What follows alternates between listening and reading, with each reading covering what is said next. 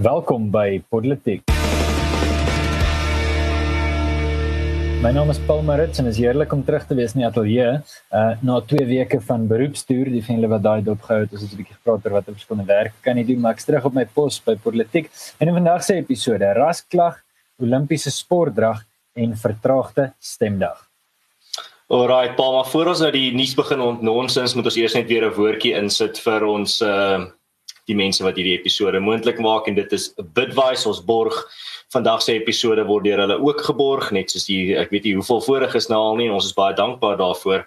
Maar Bitwise is 'n aanlyn Bitcoin platform en die enigste platform in Suid-Afrika wat vir jou volle eienaarskap en eie uh, bewaring oor jou kriptogeld gee.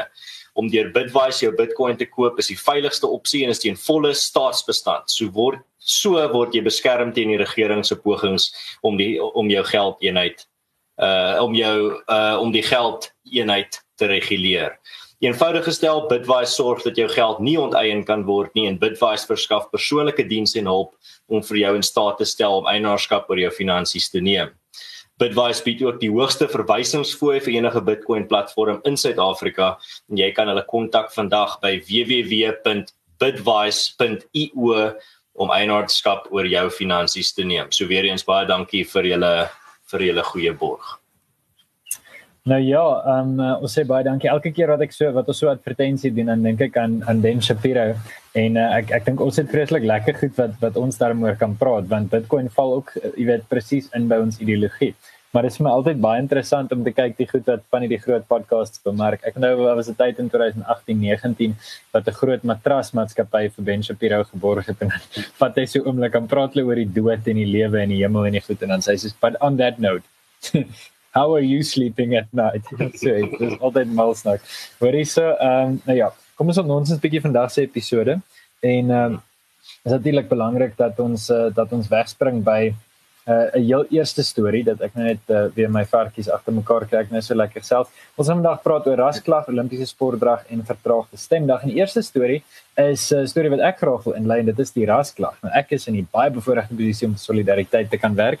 En uh, solidariteit het vandag aangekondig dat ons 'n groot massa klagte teen die Suid-Afrikaanse regering indien by die Verenigde Nasies se komitee vir die uh vir die verwydering van rassediskriminasie. So Uh die die komitee se naam in Engels is CERD, C E R D, Committee for the Eradication of, Radi of Racial Discrimination. En uh dis 'n hele proses. Natuurlik in die verlede, ek dink dit was einde 2017, was solidariteit ook saam met AfriForum by die Verenigde Nasies en uh toe in daai stadium met die Verenigde Nasies 'n baie positiewe verslag geskryf oor dit wat uh dit wat hulle voorgelê is oor solidariteit en AfriForum se klagte. En toe is uh dit terugverwys na die Menseregte Kommissie toe wat ook ten gunste bevind het van die uh van die solidariteit beweging uh ten brede want hulle moet hulle kan nie regtig verskil van die Verenigde Nasies nie anders hoe jy 'n Menseregte Kommissie dis baie dieselfde lyn dieselfde beginsels dit geskei is.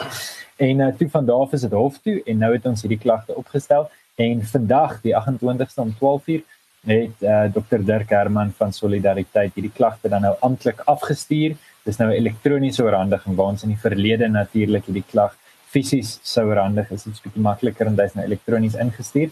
Uh so dit dit as agtergrond. Ek dink miskien wat die bespreking is erns en wat vir my en jou en en die getroue politiek luisteraars van belang is is hoe hartseer dit eintlik is dat ons hier gekom het. Hoe hartseer is dit dat jy weet nie 30 jaar later nie moet ons gaan sê julle mense wat julle ANC wat so hard beklei het vir gelykheid onder rasse.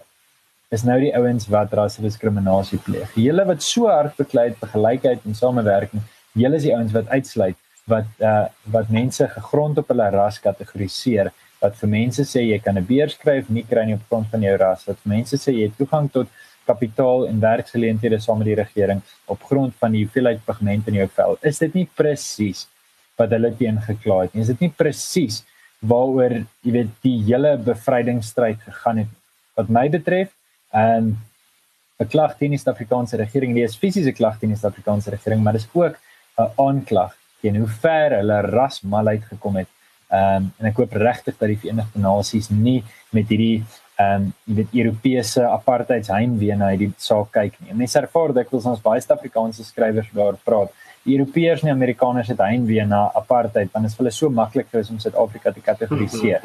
Ehm um, wit sleg, swart goed en is maklik en is ja. klaar.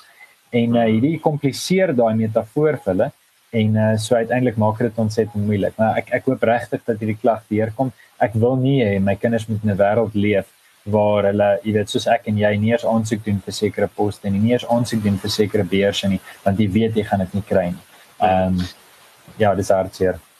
Ja, uh, nee absoluut Paul en vir my ook die ding wat uitstaan is die feit hoe oor hoe stil die wêreld is rakende dit. Ek bedoel daar was reg oor die westerse wêreld ongelooflike sterk uitspraak teen die apartheidse rassewette uitgespreek en dit was op die op die globale uh, op die globale agenda geplaas om om druk op Suid-Afrika daar te sit en almal het regtig daarbey hulle ehm um, hulle standpunte daar buite gesit rakende dit. Maar as jy kyk byvoorbeeld na toe uh, Ernst Roots um, op uh, nou onlangs met Tucker Carlson gesels het op sy program. Toe noem hy daarso dat uh, onder die ANC is daar ten minste 80 uh, rassewette, nuwe rassewette ingebring.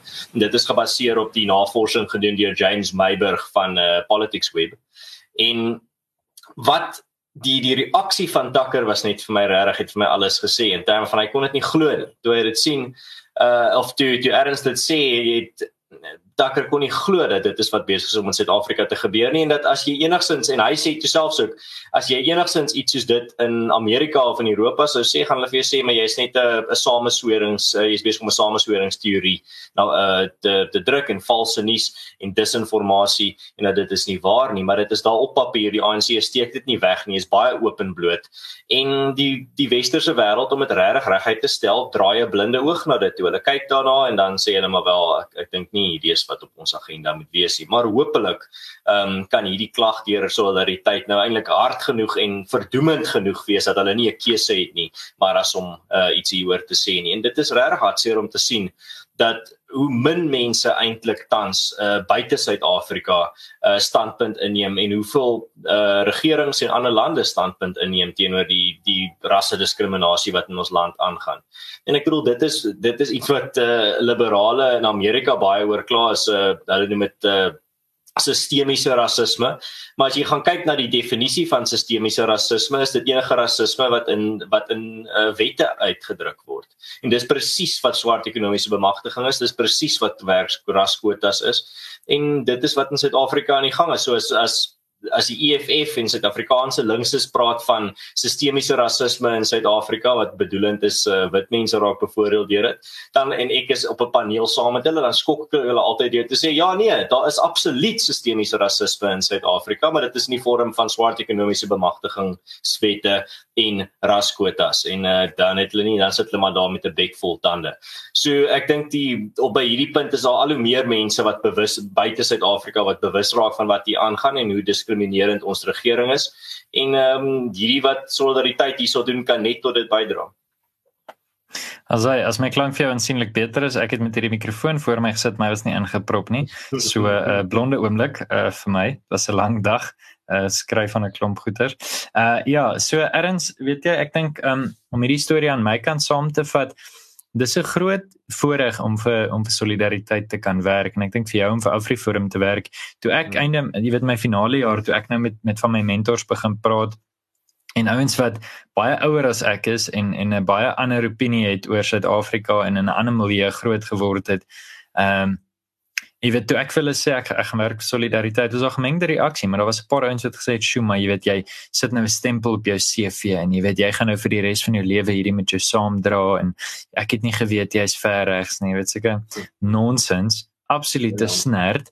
En dan sê ek dit soos die goed wat ons voorvra is normaliteit. Jy weet, Flip by sê dit so goed. Al wat ek soek is dat die polisie sy werk doen, dat ek nie, jy weet as ek eendag kinders het, bang hoef te wees om hulle, jy weet, na die kafee toe te stuur om vis en chips te koop nie. Al wat ek wil hê is dat my kinders 'n regverdige kans moet hê om deel te neem. Al wat ek wil hê is dat wanneer ek aansoek doen vir 'n PhD of vir 'n beurs of vir 'n werk, dat ek gelyk hanteer gaan word gegrond op my vermoë nie enigiets anders nie. En dit is nie absurd nie, dis nie belaglik nie, dis nie verregs nie, dis normaal. Dis vryheid en basiese vryheid, vryheid wat enigiemand sal verstaan. Ek dink in die mees streng kommunistiese land sal mense dink dit is 'n skande as as hulle moet hoor dat jy op grond van jou ras uitgesluit word. Die wêreld het verby dit beweeg. Ons is regtig verby daai punt, maar die Suid-Afrikaanse regering moet hierdie narratief hou. En hulle skep literatuur en hulle kweek uh omgewing om dit om dit jy weet aan die gang te hou en en aan te hou doen. En uh hulle is natuurlik nie alleen nie. Hulle het faksies en ander partye wat meer links van hulle staan en ek dink dit lei ons miskien baie lekker na ons volgende storie wat eintlik maar 'n kontinuering van hierdie storie is. En uh dis 'n storie waaroor jy graag wil praat oor die uh, Olimpiese atlete en hulle vellies. Hmm. Ja, wat ek dink daar is bietjie meer uh, diep sake hierso ter sprake met hierdie uh, met hierdie storie. So mense moet miskien net 'n bietjie vashou. So uh, hierdie week uh, hierdie by die EFF uh, topleiers, uh, Floyd Shivambu en uh Lozi en ek dink Malema ook. Ehm um, hulle gesê dat hulle is baie ontsteld met die die fotos wat uitkom van ons Suid-Afrika se Olimpiese span. Nie net omdat die span so ongelooflik wit is volgens hulle nie, maar ook uh, omdat uh, die span het vellies gedra, letterlik vellies. En ehm um, ek dink Floyd Shivambu se woorde om dit perfek aan te haal is hierdie is hurtful. Dit maak seer. En uh dit was net vir my baie snaaks om te sien iemand wat altyd praat oor ehm um, om dit nou te vertaal wit brosheid uh wat hierso amper ek dink seker uh kibertraner huil oor vellies wat mense dra en, en en dit is nog nie eens gepraat van die feit dat wat die Olimpiese atlete aangegaat het deur 'n span van swart Suid-Afrikaners uh, aan mekaar gesit is nie. Uh maar natuurlik hierdie uh ideologies besetenis gaan nou weer sê maar daai daai swart Suid-Afrikaners is maar net uh, hulle hulle onderdruk hulle self of wat ook al. Maar ja, dit dit wat hier net van na vore kom is en ek dink dit is waar die groter gesprek is hoekom ek hierdie die storie sê is die feit dat ons sien hierso in die EFF 'n party wat desperaat is om relevant te bly. 'n Party wat sukkel om sy ondersteuningsbasis te groei in in soveel soos wat hulle nodig het en 'n party wat sonder 'n baie sterk uh grond soos 'n 'n grondteenwoordigheid soos by 'n optog of om iewers op te daag uh nie regtig enige groot uh in die groter prentjie spoor het nie. En ek dink dit is wat ons hierso aan die uh, sien en dit is wat ons ook sien in die EFF wat nou weer vandag by 'n ouete huis opgedaag het om die mense daar te terroriseer dit is 'n party wat desperaat is vir relevantie en 'n party wat eintlik maar net die enigste suurstof wat hulle aan die lewe hou is die suurstof wat hulle kry uit sosiale media uit en die media se dekking van hulle van hulle aksies. As dit sou opdroog gaan hulle versmoor en uh, dit is hoekom ek aanraai as enigiemand in die korporatiewe media luister is om op te hou vir die ouens vir as as as 'n EFF leier nie hoef jy nie uh, dit op die voorblad. Ehm um, jy hoef nie as Julius maar een of ander bizarre uitlating uitlating maak, sy gesig so groot soos 'n plakkaat op die voorblad te sit nie. Dit is 'n dit is 'n gratis advertensie vir hom. En uh, dit is absoluut nie nodig nie, maar ek weet dit is sensasionalisties en dit verkoop 'n uh, kopie van jou koerant, so dit maak ook maar sin in 'n in 'n geldsin. Ja, so wat vir my daar's natuurlik 'n paar baie interessante goed raak in die storie. Ehm um, jy's reg. Ehm um, Ndlozi het byvoorbeeld getweet Team White South Africa wat jy weet ek ek dink net mense moet mense moet jouself eerlik wees. Die kaptein van die sewe rugby span ehm um, Sizwe so so hy swappie het het moes daar geloop het en gedink het sjoe okay ehm um, dis dis 'n weird opmerking om te maak. Maar verder as dit wat dit ek vreeslik geniet het was die reaksie wat hulle gekry het. Ek is mal daaroor wanneer hierdie tipe sosiale media aandagsoekery in in die ouens se gesig opblaas.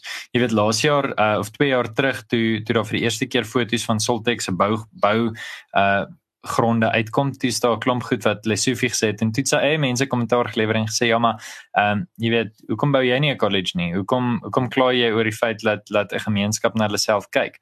En dit was jy weet swart mense wat dit gesê het. En die interessantste vir my was toe Lozi en en uh Shivambu hierdie goed tweet. Toe kry hulle reaksies van van mense in swart gemeenskappe wat sê kyk hoe lyk ons atletiekbane. Jy weet dis dis kaal gesteel. Die gras word nie gesny nie. Die paviljoene word jy weet eysterstaaf vir eysterstaaf weggedra en jy is verbaas dat daar nie atletiekontwikkeling is nie. Dis mos nie 'n manier om vooruit te gaan nie. So ek hou van die idee dat die gemeenskap toenemend besef hy moet verantwoordelikheid vat vir homself. En dis nie 'n plan om Suid-Afrika te verdeel nie, dis net 'n plan om realisties te wees en te sê die gemeenskap moet dan self kyk. Hierdie groot opgeblaasde regering het nie die vermoë om na mense te kyk en en goeders te doen soos werklik ware gemeenskap op te hef nie. Ons weet dat dat goeie wêreldklas atlete kom uit gesonde gemeenskappe uit. En ja, ek dink 'n klomp van die atlete was in privaat skole en het privaat afrigting gekry. dit behoort nie jy weet een of ander aanklag te wees dat daar nou sterk privaat afrigting is nie. Dit behoort 'n aanklag te wees teen die Suid-Afrikaanse regering wat nie voldoende ehm um, jy weet staatsafrigting gee nie. Ek sê nie ek soek een of ander kommunistiese sentralistiese atletiekprogram nie. Ek bedoel maar net doen jou werk. Jou werk is om gemeenskapsbates waarvoor jy belaglik baie belasting kry in stand te hou. Doen dit. En hierdie hmm. probleem sal homself oplos. Wat die vellies nie goed betref, stem ek met jou saam. Ehm um, my eenvoudige analise en ons het verlede jaar rondom die kliks aspek baie gepraat oor die EFF en hulle benadering tot media. Die die realiteit is dat die EFF en Prof. Koos Malan sê dit die beste en en vir enigiemand wat regtig ernstig ehm um, daarvan hou om om 'n insig in die Suid-Afrikaanse politiek te kry en ek regtig Prof. Koos Malan se kommentaar voorstel. Maar hy hy sê byvoorbeeld dat die EFF relevantie verloor het. En hy's heeltemal reg want hulle twee hoofkwessies as jy gaan kyk na hulle 2013 grondwet was uh, was grond in die sentrale bankwese. So Ramaphosa het in 'n mate die mat onder hulle uitgeruk deur self super links te raak of eintlik maar net getrou te wees in die ANC se se revolusionêre ideale. En en nou sit ons op 'n punt waar waar hulle moet aandag soek. Nou wat word hulle nou? Nou moet jy jouself vra is eintlik lagwekkend. Wat is die EFF nou?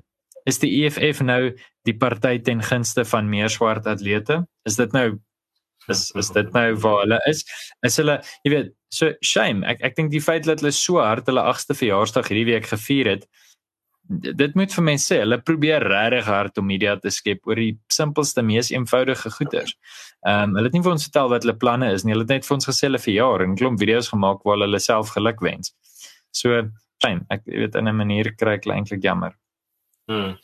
Nee, wat maar dit gaan interessant wees om nou uh te sien hoe hulle in die volgende verkiesing doen en dit is wat ons nou volgende oor gaan praat en die die uh verkiesing ons het voorheen al op politiek gepraat oor die moontlikheid dat uh die munisipale verkiesing uitgestel gaan word en dit klink my dit is nou bevestig, Paul.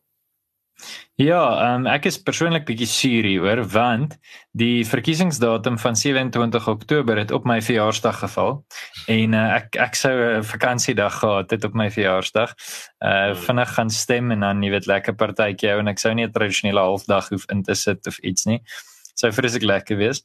En uh Nou ja, dit is nou uitgestel. Ons weet nie presies waarheen nie. Ek het 'n artikel gelees wat sê dat dit uh, definitief voor Februarie sal wees, maar nou moet mense jouself vra, met alle respek aan ons geliewe regering, né?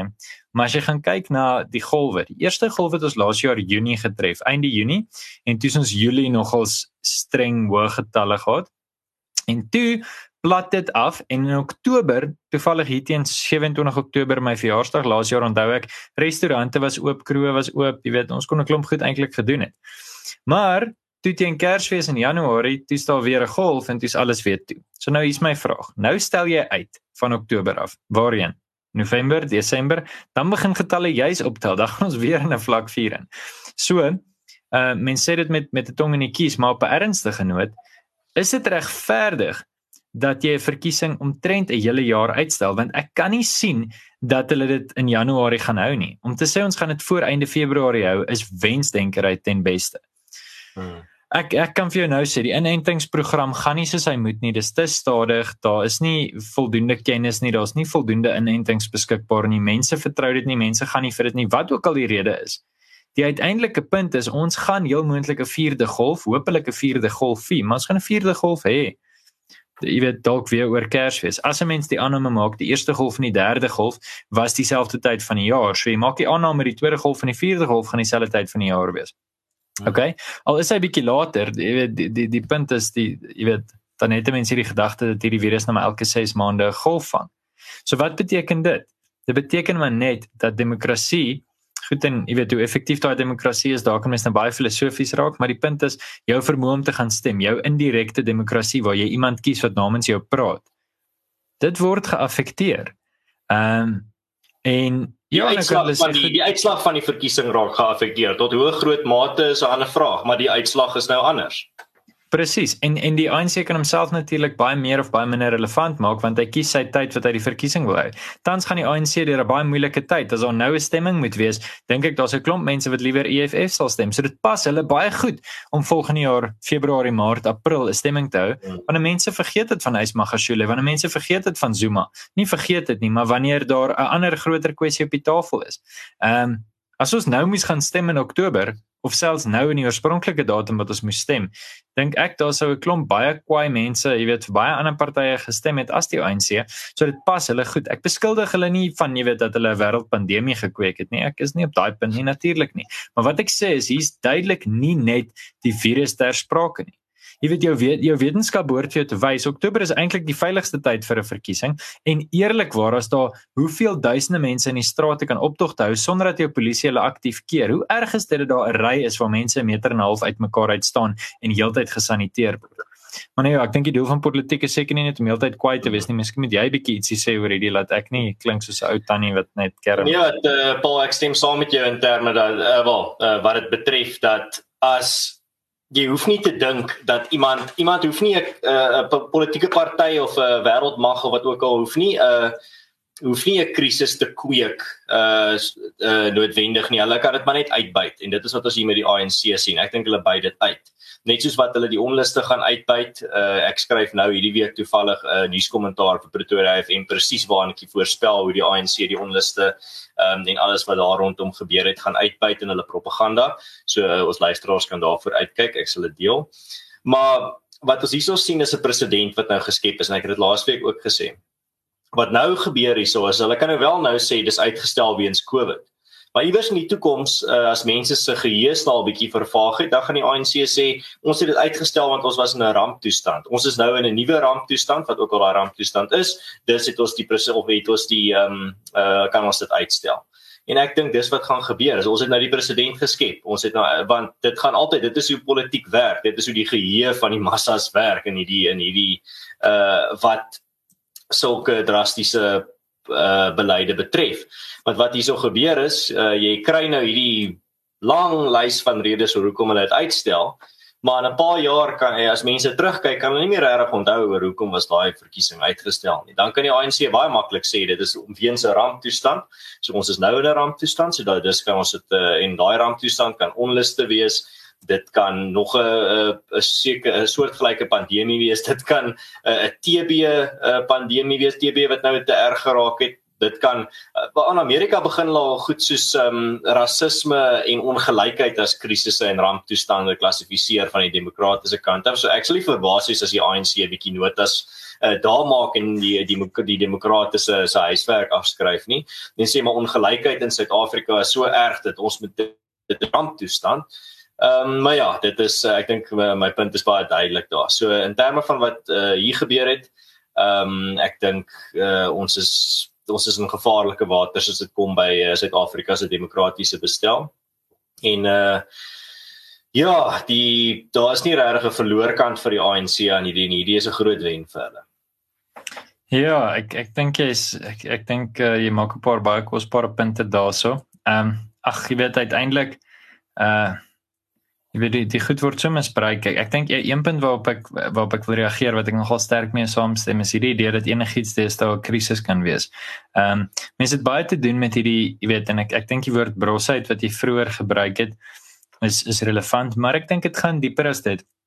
Die gedagte van 'n slagofferkultuur, die idee dat elkeen hierdie diep komplekse reg het om op elke moontlike vlak aanvaar en verheerlik en verhoog te word.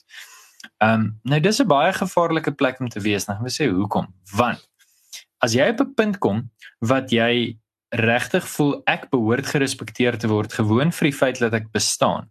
Nou daar's natuurlik ietsie soos universele menseregte. Niemand kan jou lewe vat nie.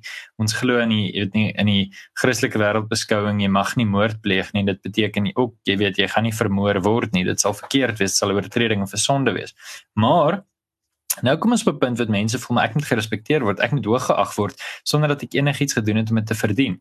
Dis absurd en is nie hoe die wêreld werk nie. Ehm um, en die ding is die oomblik wat dit nie gebeur nie, nou as jy slagoffer.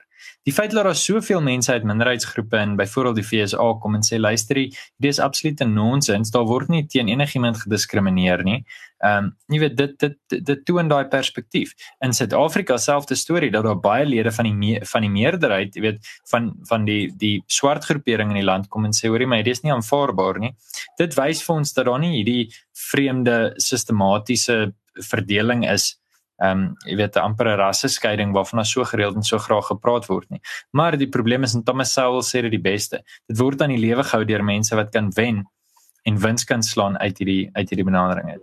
Maar nou ja, ehm um, het jy nog 'n laaste gedagte hier of kan ek aangaan na my lekker blinkkant bo toe? Uh nee, wat gooi die blinkkant. As hy so ek het baie goeie nuus as jy soos ek hou van ehm um, alternatiewe media. Alhoewel deesdae is is Marula Media ook nie meer alternatiewe media nie, maar hierdie episode wat môre op Marula gaan verskyn, so vir jou as Marula Media luisteraar, jy hoor dit vandag die 29ste. Vir jou wat regstreeks luister is vandag nog die 28ste. Maar die 29ste Julie is Marula Media amptelik 10 jaar oud. En dit is 'n ongelooflike ding om te sê want ehm um, jy weet vir 'n uh, vir 'n beweging om net 'n media huis te begin is nie maklik nie. En ek weet die aanvanklike idee was hulle wou 'n koerant uitbring en toe sê hulle nee, maar kom ons doen dit aanlyn. Ons maak 'n gratis toepassing, ons maak dit lekker en ons vertel net mense se stories. Ons deel nuus met ons gemeenskap. En vandag is dit die grootste lekker Afrikaans. En lekker Afrikaans, goeie Afrikaans en ons lekker resepte. Kan jy vir sê hoeveel keer het my vrou al hier uh Marula Media koekresep uitgeruk as jy hoor iemand mm. verjaar nie. Dit is dis wonderlik. Ehm um, en ons is ontsettend dankbaar daarvoor en van politieke kant af was Marula Media natuurlik eerste mense wat ons geglo het. Ons eerste jaar en 'n half het ons ons episode daar in die Marula ateljee opgeneem. Heeltemal uh gratis. So uh, ons is ons baie dankbaar daarvoor Marula Media doen nou nog baie van ons versorging en so en so baie geluk Marula Media. Ek dink 10 jaar is groot.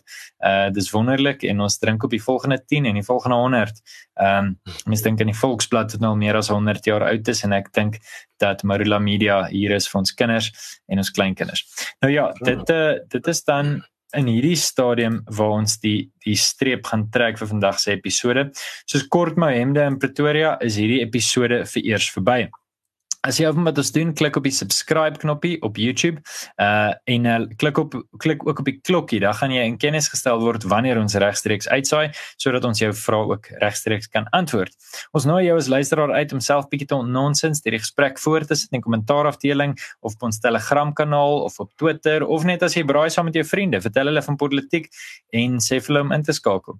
Uh ondersteun ook uh, politiek deur Bitwise te ondersteun wanneer jy wil kriptogeld koop. En jy is welkom om vir ons 'n resensie te los met jou klagtes en gedagtes. Tot volgende keer